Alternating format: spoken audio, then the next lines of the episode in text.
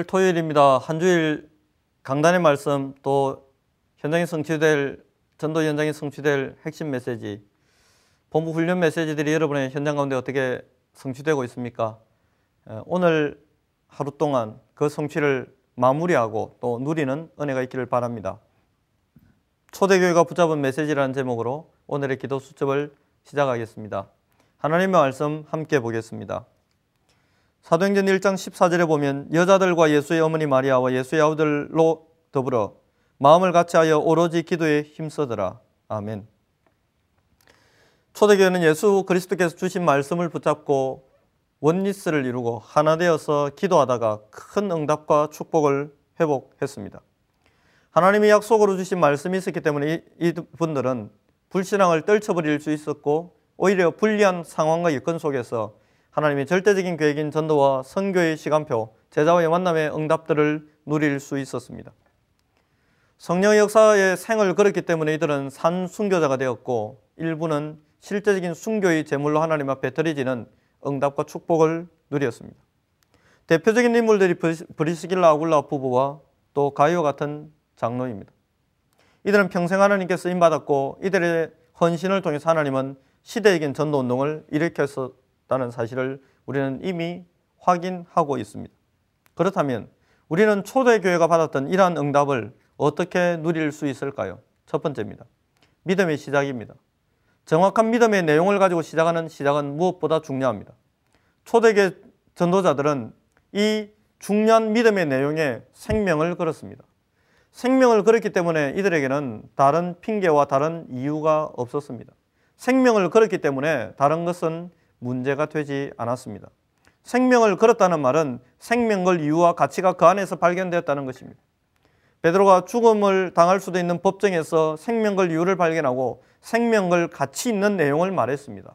천하 인간에게 구원 얻을 만한 다른 이름, 즉 예수 그리스도라는 이름 이외에 다른 이름을 우리에게 주신 적이 없다고 베드로는 정확하게 선포했습니다.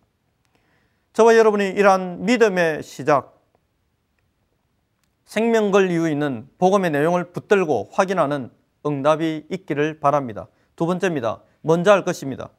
보통 우리는 쓸데없는 일, 쓸데없는 말, 남의 말, 남의 일 참견하면서 많은 시간을 보냅니다. 상상과 공상 속에서 닥치지도 않는 어려움을 미리 예상하고 불신앙과 불안에 염려에 빠지는 경우들도 있습니다. 이러한 인생의 시간을 낭비할 이유가 없습니다. 랩런터들은 특별히 가장 귀하고 가장 가치 있는 마르지 않은 진흙 같은 그런 인생의 시간입니다. 여러분이 마르지 않고 딱딱하지 않은 진흙 같은 존재이기 때문에 어떻게 만드느냐에 따라서 여러분은 다른 형상을 가질 수 있고 다른 모양으로 다른 크기로 다른 깊이로 여러분의 인생을 얼마든지 발전시킬 수 있습니다. 인생의 시간을 낭비하지 않는 참 지혜가 여러분이 있기를 바랍니다. 초대교회는 복음 안에서 모든 것을 가진 자들이었습니다. 복음 안에 모든 것이 있다는 것을 발견했기 때문에 그들은 인생의 중요한 시간들을 낭비하지 않았고 또 양보할 수 있었고 다른 사람들을 복음 안에서 깊이 있게 이해할 수 있었습니다. 그리고 초대교회는 그리스도라는 언약 속에서 하나님 자녀가 가져야 될 영적인 자존심, 자부심, 자긍심을 가지고 살았습니다. 이러한 비밀을 누리다 보니까 늘 그들은 성령 충만했습니다. 또한 주님이 재림하는 그날까지 이 언약을 붙들고 말씀 운동을 지속했기 때문에 하나님의 시간표 속에서 모든 현장이 변화되는 응답을 실제적으로 누릴 수 있었습니다. 이러한 현장의 변화가 지속되는 것을 우리는 전도운동이라고 합니다. 이 전도운동은 120명의 연약 환자들이 모였던 마가 다락방으로부터 시작되었습니다. 그래서 저와 여러분이 작고 비록 연약하지만 우리를 통해 하나님은 전도운동을 얼마든지 일으키실 수가 있다는 것이지요. 모든 사람, 모든 장소에서 이 언약과 연결시켜 보면 기가 막힌 만남, 기가 막힌 응답, 기가 막힌 축복들을 여러분은 체험하게 될 것입니다. 대학교 다니면서 딱 1년 친구와 함께 자취한 시간이 있었습니다. 이 친구에게는 복음을 전했지만 제가 이 친구의 동생에게는 복음을 전하지를 못했었습니다. 그 과거의 시간표를 놓고 이틀 하나님 앞에 기도했는데 친구 아버지의 장례식이라는 사건을 통해서 하나님은 제 친구의 동생에게 복음 전할 기회를 주셨고 그 장례 예배를 통해서 오히려 그 가족 전체에게 참 복음을 선포할 수 있는 응답도 하나님은 허락하셨습니다. 모든 것을 언약 성취의 관점에서 연결해서 기도해 보면 과거도 버릴 것이 없습니다. 세 번째입니다. 문제입니다. 초대교회가 받은 전도운동의 응답을 받으면 어떤 문제가 와도 기회로 삼을 수가 있게 됩니다. 어떤 핍박 속에서도 이것을 기회로 보면 제자를 만나고 제자와의 만남을 통해서 하나님은 전도운동을 가속화시키는 것을 여러분은 발견하게 될 것입니다. 어떤 불리한 환경과 여건 속에서도 참된 헌신을 할 수 있는 기회를 여러분은 얻게 되고 받게 될 것입니다. 로마에서 추방받은 브리스길라 아굴라가 어떻게 해서 참된 헌신을 할수 있었습니까?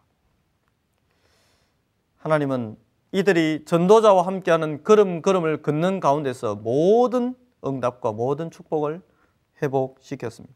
그러므로 저와 여러분은 어떤 것도 겁낼 이유가 없습니다. 어떠한 시련도 무서워할 이유가 없습니다. 어떤 난관도 뚫어 나갈 수가 있습니다. 우리가 뚫고 나가는 것이 아니라 하나님이 홍해를 가르신 것처럼 뚫어 주실 것입니다. 왜냐하면 저와 여러분은 참복을 가진 전도자 인생입니다.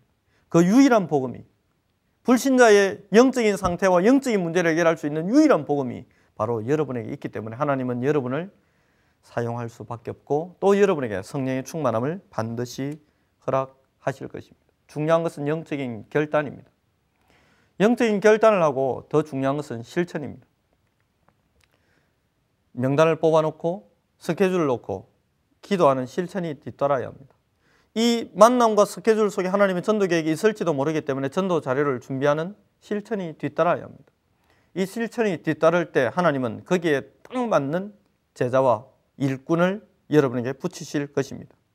이러한 제자와의 만남을 누리는 그러한 축복을 받을 때 여러분은 참 행복한 아 내가 전도자구나 라는 것을 발견하게 될 것입니다.